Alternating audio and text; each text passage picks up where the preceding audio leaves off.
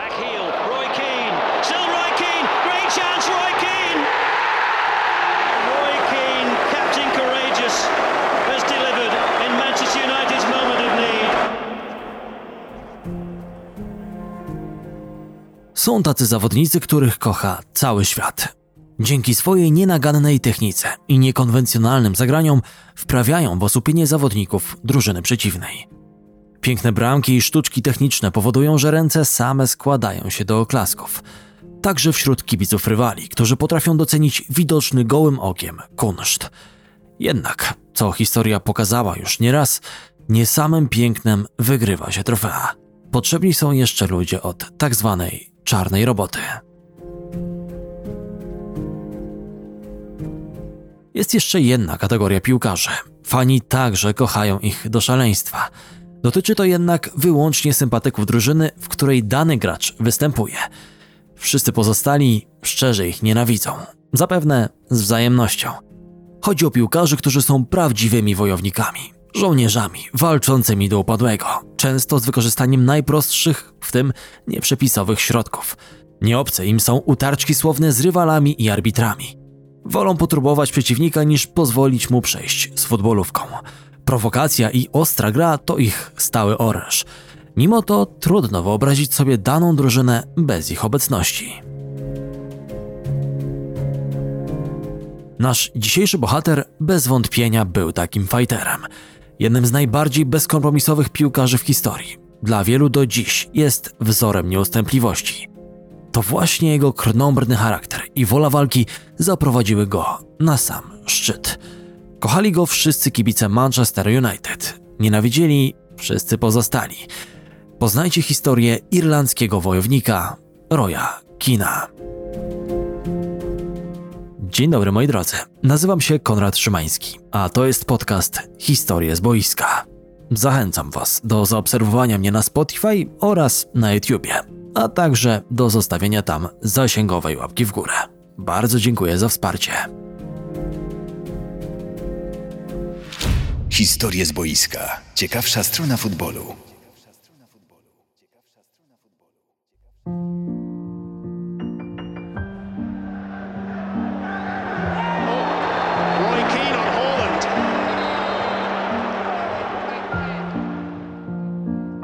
Był kwiecień 2001 roku.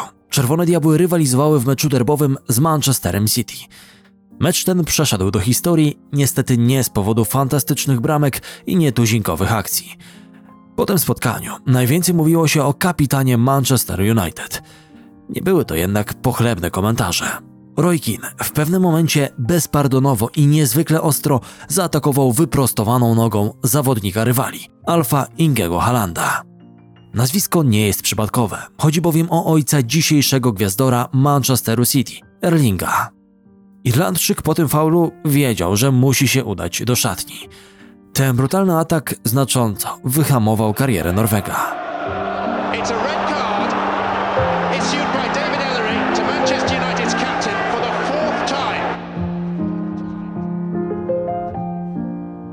Niechęć do Halanda kiełkowała w nim od czterech lat, gdy poszkodowany grał w Leeds United. Roy Keane już wtedy starał się ostrą grą wyprowadzić z równowagi swojego przeciwnika. W pewnym momencie jedna z takich niebezpiecznych interwencji skończyła się bardzo źle dla samego Irlandczyka. Okazało się, że zawodnik zerwał więzadła w kolanie. Nieświadomy jednak tego Norweg, obserwując agresywne zagrania rywala przez cały mecz, uznał, że Kin po prostu symuluje i nie omieszkał dać temu wyraz. Roy nie mógł mu tej zniewagi wybaczyć i czekał na odpowiedni moment, na rewanż. Zrobiła się z tego ogromna afera. Angielska Federacja Piłkarska postanowiła surowo ukarać pomocnika klubu z Old Trafford. Zawodnikowi na pewno nie pomogła rozbrajająca szczerość. Zapytany o to, czy w momencie zaatakowania Halanda piłka była w jego zasięgu, odpowiedział: Chyba.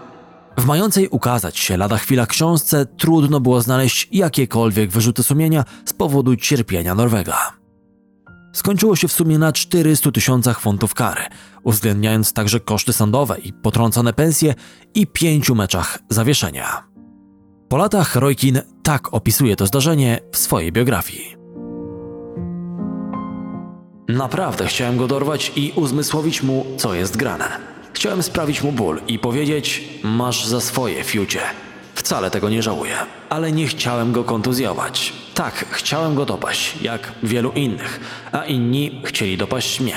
Taka jest piłka. Wyznanie to dobitnie pokazuje charakter piłkarza. Lubił grę kontaktową i nie bał się ostrej walki. Starcia te nierzadko odbijały się negatywnie na zdrowiu rywali, ale czasami także na jego własnym. Irlandczyk wiedział jednak, że bez ryzyka nie ma zabawy.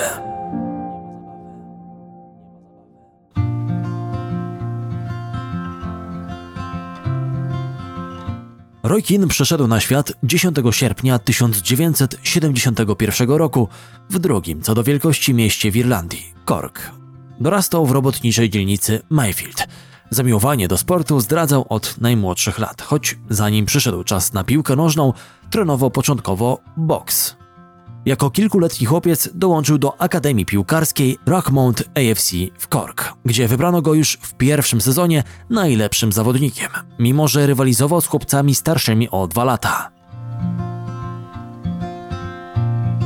Dziś wszyscy kojarzą krnąbrnego Irlandczyka przede wszystkim z Manchesterem United. Faktem jest jednak, że w dzieciństwie marzył o grze dla innego angielskiego zespołu – jego ulubionym klubem w okresie dorastania był Tottenham, w którym występował w latach 70. i 80. podziwiany przez niego Glenn Hoddle. Na wyspach trzymał również kciuki za Celtic. Miłość do Manchester United miała przyjść z czasem.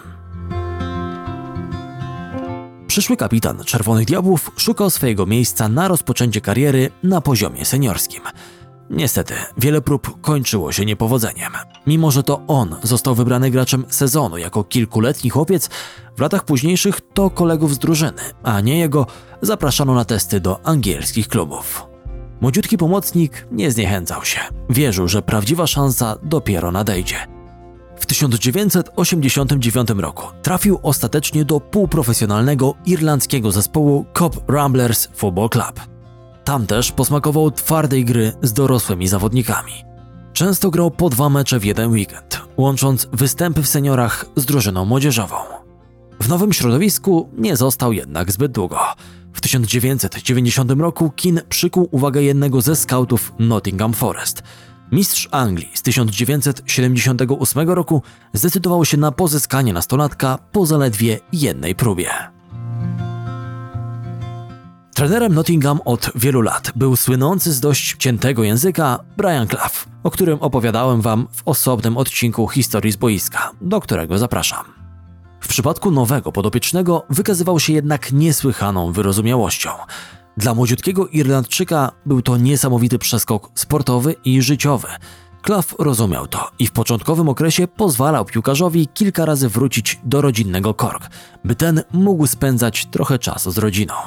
Trener wiedział, że jeśli chce wykorzystać potencjał pomocnika, musi zadbać o odpowiednią aklimatyzację. Kin był bardzo wdzięczny za to zaufanie i starał się okazywać to jak najlepszą postawą na treningach. Roy wchodził do drużyny stopniowo. Najpierw wziął udział w przedsezonowym turnieju w barwach drużyny U21. Następnie zaczął od regularnych występów w drużynie rezerw. Debiut w pierwszym zespole przypadł na niezwykle prestiżowy mecz z Liverpoolem. Trener Clough zabrał młodziana na Anfield, by ten mógł poczuć atmosferę towarzyszącą tak ważnym spotkaniom. Nie spodziewał się, że tego dnia przyjdzie mu zmierzyć się z jednym z najlepszych angielskich skrzydłowych, Johnem Barnesem. Jakieś półtorej godziny przed meczem szkoleniowiec poprosił Kina, by ten założył koszulkę z numerem 7. Widząc swojego pomocnika w klubowym trykocie, odparł, że wygląda jak milion dolarów. Następnie dodał, że wygląda na tyle dobrze, że dostanie dziś swoją szansę i zagra. Koledzy obserwujący tę scenę zaczęli się śmiać. Myśleli, że to tylko żart. Kiedy jednak upływały kolejne sekundy, a poważny wyraz nie schodził z twarzy trenera, było jasne, że Klaw mówił serio. Roy Keane, a 15,000 buy from the south of Ireland, Niektórzy starsi zawodnicy Nottingham nie znali zbyt dobrze młodego debiutanta. Nie do końca wiedzieli na co go stać i obawiali się, jak poradzą sobie z Barnesem i pozostałymi zawodnikami Reds, mając przed sobą niedoświadczonego kolegę. Pierwsze minuty rozwiały jednak wszelkie wątpliwości. Kin bardzo szybko starał się pokazać, kto tu rządzi.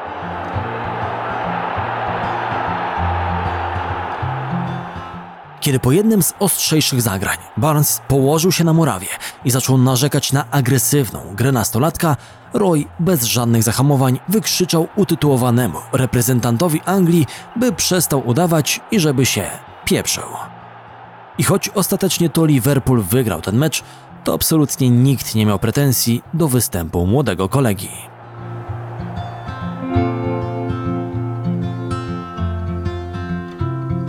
O ile trener Klaw robił co mógł, by Roy czuł się w nowym zespole jak najlepiej, o tyle na boisku nie dawał mu już żadnej taryfy ulgowej. Mark Crossley, legendarny bramkarz Nottingham Forest, podzielił się swoimi wspomnieniami z czasów wspólnej gry na łamach Talksport. Opowiedział między innymi o sytuacji z meczu pucharowego przeciwko Crystal Palace, gdy młody Irlandczyk zachował się dość niefrasobliwie, wykonując niefortunne, krótkie podanie do bramkarza swojej drużyny. Zrobił to na tyle niedokładnie, że skończyło się utratą gola. Crossley tak zapamiętał sceny po końcowym gwizdku. Roy zwykł schodzić do szatni zawsze jako pierwszy. Klaw czekał tym razem na niego. Schował się za drzwiami i uderzył Roya prosto w brzuch, po czym rzekł: Nigdy więcej nie podawaj piłki z powrotem do bramkarza w takiej sytuacji, młody człowieku. Jak jednak uczciwie przyznał w tym samym wywiadzie Crossley, wina leżała także po jego stronie, a sam Kin od początku robił na nim ogromne wrażenie. Zaraz potem dodał bowiem. Właściwie to była moja wina, ale oberwało się Kinowi. To był taki sposób trenera na przekazanie, kto tu jest szefem i że każdy ma stosować się do jego poleceń. A sam Roy był po prostu fantastycznym, genialnym graczem. Bohater dzisiejszych historii z boiska pamięta tę historię nieco inaczej. Przyznaje, że został zrugany i uderzony przez trenera, tyle że nie w brzuch, a prosto w twarz. Młody i ambitny zawodnik wiedział jednak, że Klow nie chce dla niego źle, dlatego, co może nas oczywiście dziwić, pokornie przyjął cios i zamiast wyprowadzić odwet, postanowił wyciągnąć wnioski z tej bolesnej lekcji. Mało brakowało, a pierwszy profesjonalny sezon w karierze Irlandczyk zakończyłby z wielkim trofeum. Wraz z drużyną Nottingham dotarł do finału Pucharu Anglii. Rywalem The Tricky Trees był ulubiony klub naszego dzisiejszego bohatera z czasów dzieciństwa, czyli Tottenham Hotspur. Na murawie sentymentów jednak nie było, a Roy był obecny od samego początku do końca. W składzie kogutów występowały wówczas takie gwiazdy jak Gary Lineker czy Paul Gascoigne. Mecz zaczął się idealnie dla podopiecznych Briana Claffa. Nottingham objął prowadzenie już w 16 minucie meczu. Niestety, w dalszej części finału szczęście sprzyjało już wyłącznie graczom Spurs, którzy najpierw wyrównali stan rywalizacji, a w dogrywce dobili Nottingham, zdobywając zwycięską bramkę.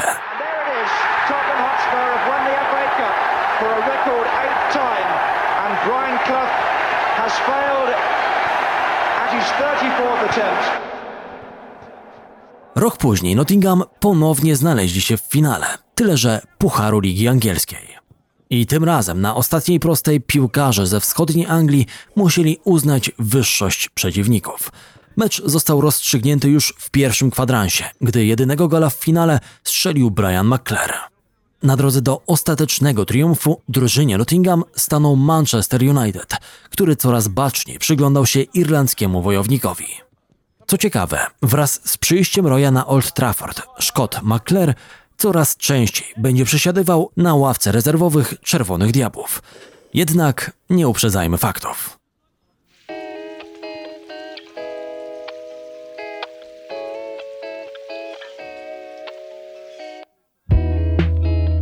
Niestety, w krajowych rozgrywkach nie szło drużynie Briana Claffa już tak dobrze.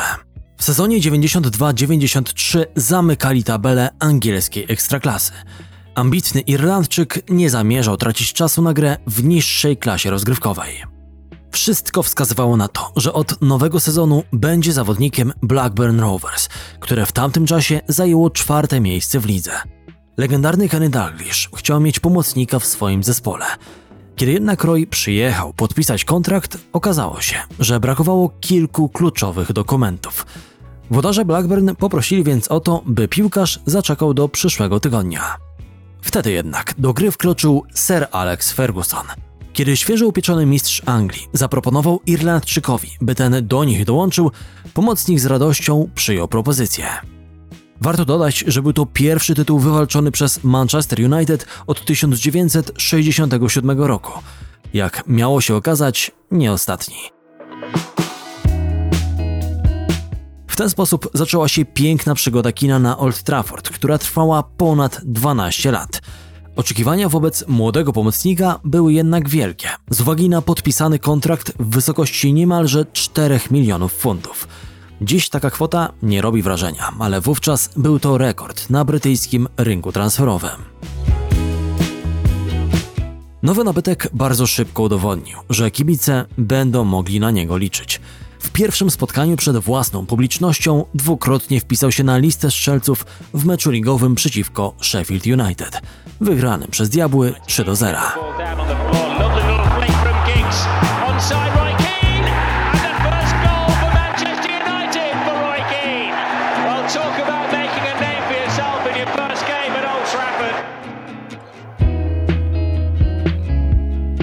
Kilka kolejek później przychylił szale zwycięstwa w derbach Manchesteru, strzelając gola na 3 do 2 4 minuty przed końcem podstawowego czasu gry.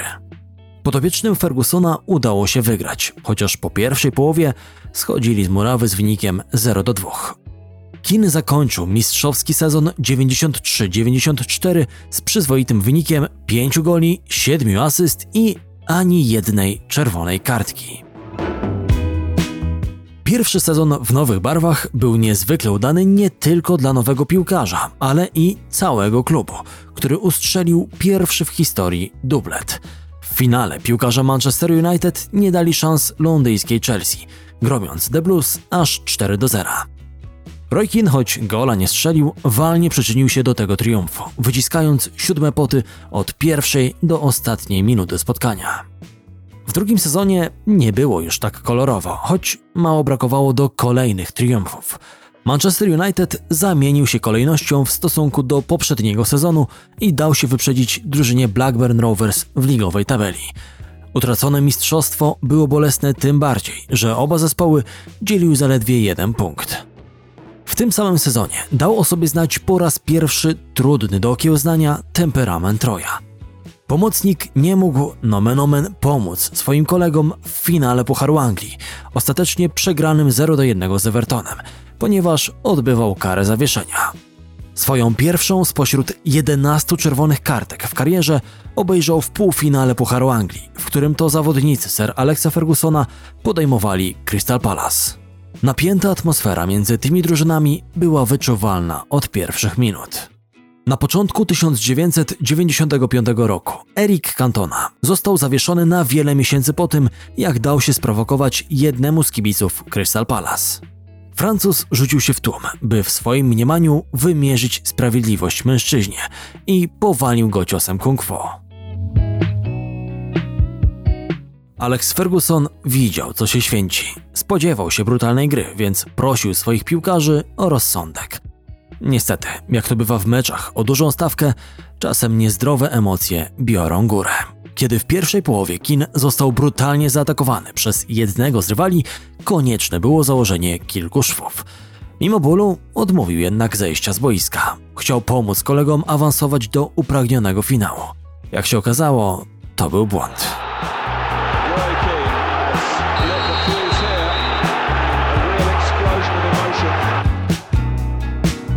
Kiedy w drugiej odsłonie obecny selekcjoner reprezentacji Anglii, Gareth Southgate, wykonał wślizg i naruszył dopiero co zranioną i zszytą kostkę przeciwnika, Irlandczyk zadziałał impulsywnie, atakując swojego rywala. Sędziemu nie pozostało nic innego, jak odesłać pomocnika United do szatni.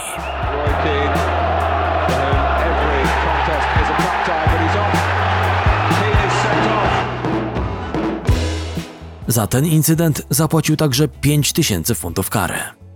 Latem tego samego roku doszło do paru przetasowań w Manchesterze United. Odeszło kilku ważnych zawodników Czerwonych Diabłów, takich jak Mark Hughes, który postanowił kontynuować karierę w Chelsea, czy Paul Ince, który przeszedł do Interu. Coraz mocniej do głosu zaczęła dochodzić młodzież, która stanowiła o sile zwycięskiej drużyny w młodzieżowym Pucharze Anglii z 1992 roku. Stopniowo do drużyny zaczęto wprowadzać takich zawodników jak Nicky Butt, Paul Scholes, David Beckham czy bracia Phil i Gary Neville'owie. To wszystko sprawiło, że choć Roy Keane nadal był młodym zawodnikiem, stał się jednocześnie jednym z najbardziej doświadczonych piłkarzy w drużynie.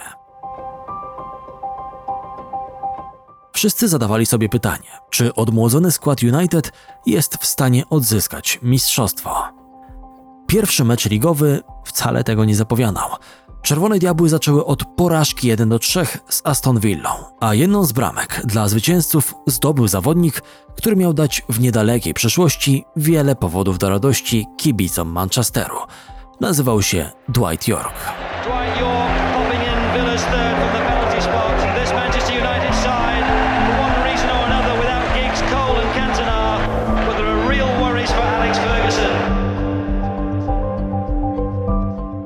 Później nastąpiło przełamanie i duża w tym zasługa Roya Kina, który w dwóch kolejnych spotkaniach z West Hamem i Wimbledonem strzelił aż trzy gole.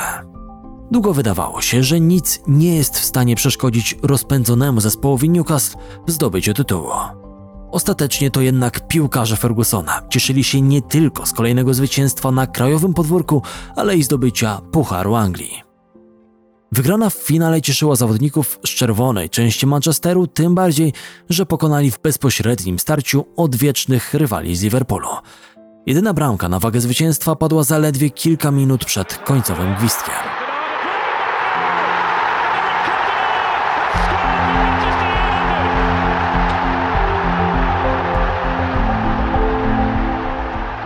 Manchester bez wątpienia udowodnił, że w ostatnich latach nie ma sobie równych na Wyspach Brytyjskich. Kibice cieszyli się z tej przemiany i powrotu do najlepszych, choć już odległych lat chwały. Apetyt rośnie jednak w miarę jedzenia. Fani oczekiwali, że ich ukochany klub potwierdzi swoją dominację nie tylko w kraju, ale i Europie. Blisko było już w 1997 roku, kiedy to Czerwone Diabły dotarły do półfinału Champions League – tam jednak piłkarze Sir Alexa Fergusona musieli uznać wyższość późniejszego triumfatora całych rozgrywek Borussii Dortmund. Ci dwukrotnie wygrali 1 do 0 i awansowali do finału. Roy Keane mógł pluć sobie w brodę, bo szansa na wymarzony finał była w zasięgu ręki. Jednobramkowe zwycięstwo w pierwszym meczu nie gwarantowało jeszcze niczego. Niestety, Irlandczyk nie mógł wystąpić w rewanżu na Old Trafford ze względu na żółtą kartkę, zarobioną w pierwszym starciu. Najlepsze miało jednak dopiero nadejść. Następny sezon toczył się dla naszego bohatera ze zmiennym szczęściem. Z jednej strony mógł czuć się ogromnie wyróżniony, bo po zakończeniu kariery przez Erika Cantone został mianowany kapitanem Manchester United. Z drugiej zaś opuścił wiele spotkań z powodu kontuzji, której nabawił się po starciu ze wspomnianym już Halandem. Czerwone Diabły były podłamane stratą swojego lidera środka pola i w niezrozumiały do dziś sposób roztrwoniły znaczną przewagę punktową nad Arsenalem, tracąc szansę na kolejne mistrzostwo. Stare demony wróciły. Znowu różnica punktowa między mistrzem a wicemistrzem wynosiła zaledwie jeden punkt. Przy okazji pasjonującej rywalizacji Arsenalu i Manchester United na przełomie wieków nie sposób nie wspomnieć o osobistej rywalizacji między wojownikami obu zespołów Patryka Wiejry i Roya Kina. Ich pojedynki przeszły do historii. Kiedy występowali przeciwko sobie, było jasne, że kości będą trzeszczały. Irlandczyk tak opowiadał o francuskim zawodniku w swojej biografii. Ja i Vieira byliśmy na froncie rywalizacji naszych drużyn. Żaden z nas nie zrezygnował z zostania symbolem tamtych czasów. W pewnym sensie pozycja w drużynie decyduje o tym, kim jesteś i jaką rolę odgrywasz w klubie. Nasze drużyny były u szczytu swoich możliwości. Obaj lubiliśmy faule, więc nasza gra była bardzo kontaktowa. Vieira po latach tak opowiadał o tamtej rywalizacji na łamach Sky Sports. Oczywiście jako kapitanowie swoich drużyn, ja i Roy broniliśmy swoich graczy. Zawodnicy jednych chcieli zdominować drugich. Kiedy patrzę wstecz i myślę o tych pojedynkach, na mojej twarzy pojawia się uśmiech.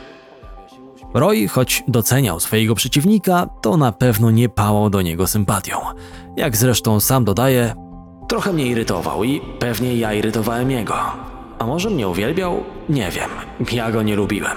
Wiedziałem, że podobnie jak ja, robił wszystko dla swojej drużyny. Nie lubiłem go, ale nie mogłem się doczekać, kiedy stanę naprzeciwko niego na boisku. Więcej o tej rywalizacji dowiecie się z jednego z pierwszych odcinków podcastu, zatytułowanego Diabły i Armaty, czyli Kin vs. Vieira. Sezon 98-99 był jednym z najlepszych nie tylko dla samego kina, ale i całego Manchester United. Pasjonujący wyścig o triumf w Premier League między Arsenalem a Czerwonymi Diabłami tym razem zakończył się, a jakże, jednopunktową przewagą piłkarza Fergusona. Irlandczyk bardzo szybko, bo już w dziewiątej minucie musiał opuścić boisko w finale Pucharu Anglii. Ale jego koledzy doskonale wywiązali się z postawionego zadania i po golach Paula Scholesa i Tediego Sheringama pokonali Sroki 2 do 0. Do pełni szczęścia brakowało już tylko Ligi Mistrzów. Co ciekawe, swoją drogę do upragnionego zwycięstwa Anglicy zaczęli od polskiego wątku. W drugiej rundzie eliminacji mierzyli się z ŁKS-em Łódź. Sensacji jednak nie było. Po zwycięstwie 2 do 0 w pierwszym spotkaniu i bezbramkowym remisie w rewanżu, Czerwone Diabły przeszły dalej. Rycerze wiosny czuli respekt do rywala. Jak możemy przeczytać w książce Polskie kluby w europejskich pucharach, w drużynie Łodzian wkradła się taka nerwowość, że o mały włos doszłoby do kuriozalnej pomyłki. Rafał Niźnik tak wspominał tamto pamiętne spotkanie. To działo się na przedmeczowej odprawie. Trener rozrysował ustawienie na tablicy i dopiero Michał Sławuta, który zachował zimną krew, powiedział: Przepraszam, ale tam jest 12 zawodników. Popatrzyli na siebie, wyszli na chwilę, a kiedy wrócili, jeden z nich powiedział: Dobra, Paszul, siadasz na ławce. Manchester United po wyeliminowaniu włoskich zespołów, Interu w ćwierćfinale i Juventusu w półfinale znalazł się przed niepowtarzalną szansą na drugi tytuł w swojej historii. Szczególnie szalony był mecz rewanżowy przeciwko Starej Damie, który skończył się zwycięstwem United 3 do 2, choć po 11 minutach było już 0 do 2 po golach Filippo Inzagiego. Jedną z bramek na wagę finału zdobył nie kto inny, a właśnie Roy Keane. Come with a corner. In towards Keane. Roy Keane with a captain's goal for Manchester United. Game on. W finale na Camp Nou na piłkarzy z czerwonej części Manchesteru czekał Bayern Monachium. Oba zespoły spotykały się już wcześniej w fazie grupowej. Wtedy też żadna z drużyn nie zdołała zwyciężyć. Roy Keane, choć strzelił w jednym z tych spotkań gola Bawarczykom, wiedział, że na pewno nie będzie łatwo wygrać. Sam nie mógł jednak pomóc kolegom w ostatecznym triumfie. Przez nadmiar żółtych kartek, co nie powinno dziwić, pozbawił się możliwości występu w jednym z najbardziej niesamowitych finałów w historii futbolu. I choć irlandzkiego wojownika zabrakło w tym najważniejszym spotkaniu, to cała drużyna, łącznie z trenerem, podkreślała, że gdyby nie postawa Roya w poprzednich spotkaniach o udziale w wielkim finale Champions League, mogliby jedynie pomarzyć. Sir Alex Ferguson tak opowiadał o swoim graczu, gdy został zapytany o kina i półfinał przeciwko Juventusowi. Walcząc o każde źdźbło trawy, rywalizując tak, jakby wolał umrzeć z całkowitego wyczerpania, aniżeli przegrać, inspirował wszystkich wokoło. Czułem ogromny zaszczyt, że mogłem go mieć w swojej drużynie. Ryan Giggs równie mocno komplementował kolegę z boiska. Nigdy nie czułem, że możemy przegrać, gdy mieliśmy kina w zespole. On nigdy się nie poddawał. Oczywiście wszyscy byliśmy równie zmotywowani do zwycięstwa. Jednak to, co wyróżniało Roya, to sposób, w jaki przekazywał swój gniew i energię. Zapowiadało się naprawdę fantastyczne widowisko. Po jednej stronie Bayern, prowadzony przez Otmara Hitzfelda z tak znakomitymi zawodnikami jak Kahn, Mateusz czy Effenberg. Po drugiej Manchester United Sir Alexa Fergusona z niesamowitym duetem Dwight York Andy Cole, Davidem Beckhamem czy Ryanem Giggsem. Ale o tej ekipie i tym finale opowiedziałem wam w osobnym materiale, do którego was zapraszam.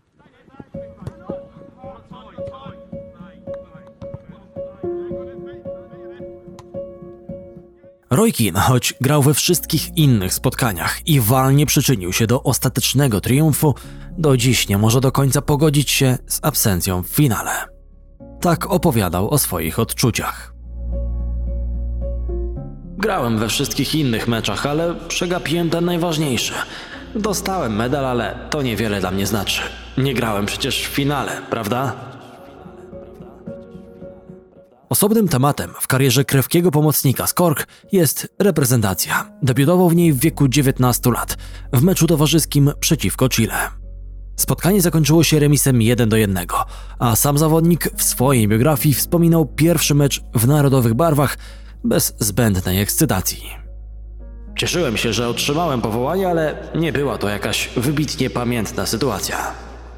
Od tamtej pory udane występy w zielonych barwach przeplatał konfliktami. W 1994 roku wraz z reprezentacją Irlandii zakwalifikował się na Mistrzostwa Świata w Stanach Zjednoczonych. Został wybrany najlepszym zawodnikiem swojego kraju na tym turnieju. Zielona Armia sprawiła niemałą sensację, pokonując późniejszych wicemistrzów świata Włochów w fazie grupowej. W jednej ósmej finału Irlandczycy nie dali już rady Holandii, ale z mundialu mogli wyjeżdżać z podniesionymi głowami. Zdecydowanie gorzej było już na mundialu w Korei i Japonii. Co prawda Irlandia zakwalifikowała się do Mistrzostw Świata, ale Roy Keane wypisał się z drużyny na własne życzenie. Będąc bardziej precyzyjnym, został odesłany do domu po wielkiej kłótni z ówczesnym trenerem kadry Mickiem McCarthy'm. Wojownikowi z Manchesteru bardzo nie spodobały się warunki do treningów, jakie on i jego koledzy zastali na wyspie Saipan.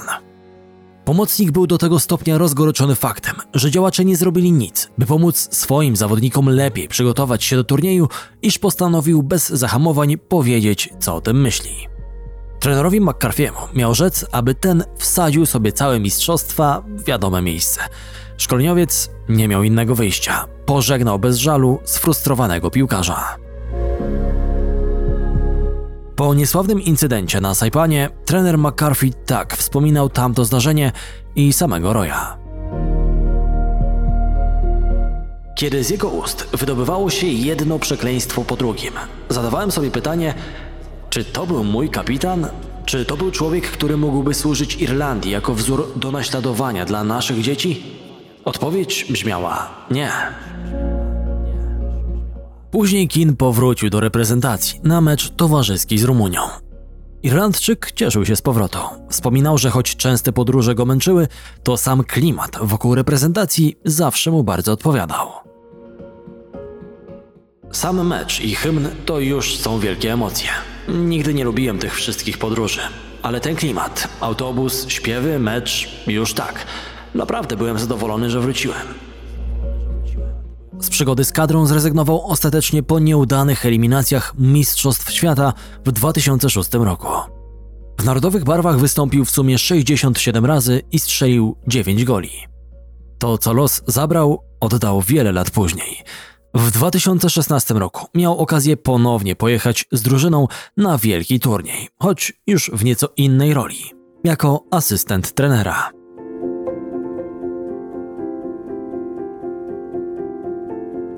Dalsze lata w United toczyły się dla Irlandczyka i jego drużyny w kratkę. Coraz częściej dopadały go kontuzje. Nie brakowało też głupich zachowań skutkujących wykluczeniem. Pozycja pomocnika w zespole zaczęła stopniowo słabnąć. Jak sam zawodnik przyznawał, pierwsze złe sygnały zaczęły pojawiać się w 2005 roku, podczas tygodniowego obozu w Portugalii.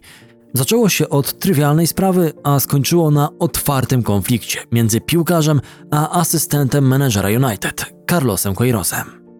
Zawodnicy pojechali do Algarve z rodzinami. Roy, który miał piątkę dzieci, poprosił o zmianę apartamentu. Ten, który otrzymał, wydał mu się nieodpowiedni dla tak licznej rodziny. Queiroz nie był zadowolony z tej zmiany, choć Kin wynajął willę zaledwie dwie ulice dalej. Irlandczyk wyczuwał, że atmosfera zrobiła się napięta. Czarne chmury zaczęły zbierać się nad jego głową coraz wyraźniej. Kontuzja stopy nie pozwoliła mu wrócić na boisko. Za rok wygasał jego kontrakt, a niechęć Queiroza była coraz bardziej widoczna. Czara goryczy przelała się po przegranym meczu z Middlesbrough. Czerwone Diabły po słabym występie ulegli 1 do 4. It is all over, and Middlesbrough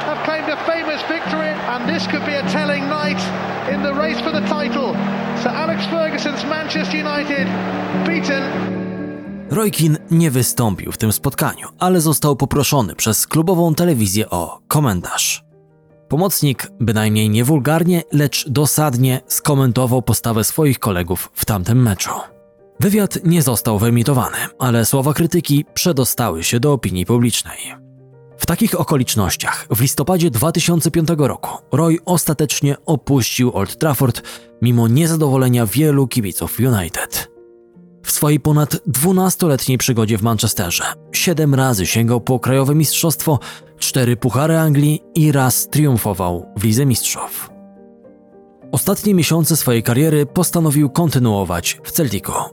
Niestety, z powodu przedłużającej się kontuzji biodra postanowił zawiesić piłkarskie buty na kołku w czerwcu 2006 roku. Mało osób wie, że przed transferem do Szkocji otrzymał propozycję z Realu Madryt. Ostatecznie odmówił królewskim. Jak sam przyznaje w swojej biografii, obawiał się zmiany otoczenia. Powinienem był poświęcić więcej uwagi ofercie Realu. To było dla mnie prawdziwe wyzwanie, ale nie podjąłem go. Zamiast dać sobie szansę, podszedłem do tej oferty sceptycznie. Nie chciałem przeprowadzać się do Hiszpanii. Przeważył lęk przed nieznanym. Po zakończeniu piłkarskiej kariery Irlandczyk próbował swoich sił w roli trenera. Jest także zapraszany jako ekspert telewizyjny, słynący z ciętego języka. Pracował jako pierwszy trener w takich klubach jak Sunderland i Ipswich Town, a także jako asystent reprezentacji Irlandii, Aston Villa, a ostatnio Nottingham Forest. Nie tak dawno mówiło się o jego powrocie na ławkę trenerską w roli pierwszego trenera. Plotki donosiły o zainteresowaniu jego usługami ze strony West Bromwich Albion. Ostatni raz pracował w charakterze pierwszego trenera w 2011 roku. Minęło już sporo czasu, a powrotu irlandzkiego wojownika do trenowania nie widać. Co jakiś czas przebąkuje jednak w wywiadach, że ten czas prędzej czy później na pewno nadejdzie.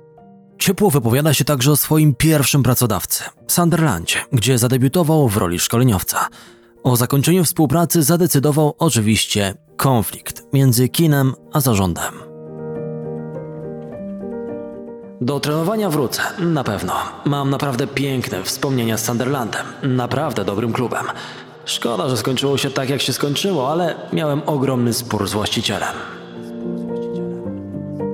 W ostatnim czasie znów było o nim trochę głośno, choć z nieco innego powodu. Po raz kolejny udowodnił, że ma własne zdanie i bardzo często zupełnie różne od większości. Na antenie Sky Sports pokłócił się z dawnym kolegą z boiska, Garym Nevillem. Poszło o Cristiano Ronaldo, gdy ten był jedną nogą na wylocie z Manchester United, gdy odmówił wejścia na boisko na ostatnie minuty spotkania. Irlandczyk postanowił wstawić się za Portugalczykiem. Kiedy Neville zwrócił uwagę, że zachowanie Ronaldo było nieprofesjonalne i większość fanów United nie widzi dla dawnego idola miejsca w pierwszej drużynie, wściekły Kin odparł. Nie obchodzi mnie to, co myślą fani. Wielu z nich nie ma pojęcia o tym, co dzieje się w klubie. Były kapitan Czerwonych Diabłów wie doskonale, co to znaczy, gdy klub się od ciebie odwraca. Być może zadra w sercu, której doświadczył w poprzednich latach, nie została na dobre wyleczona. Czy Roy rzeczywiście wróci na ławkę trenerską? Przekonamy się. Jedno jest jednak pewne. Byłoby bardzo ciekawie. Ostatniego słowa jeszcze nie powiedział.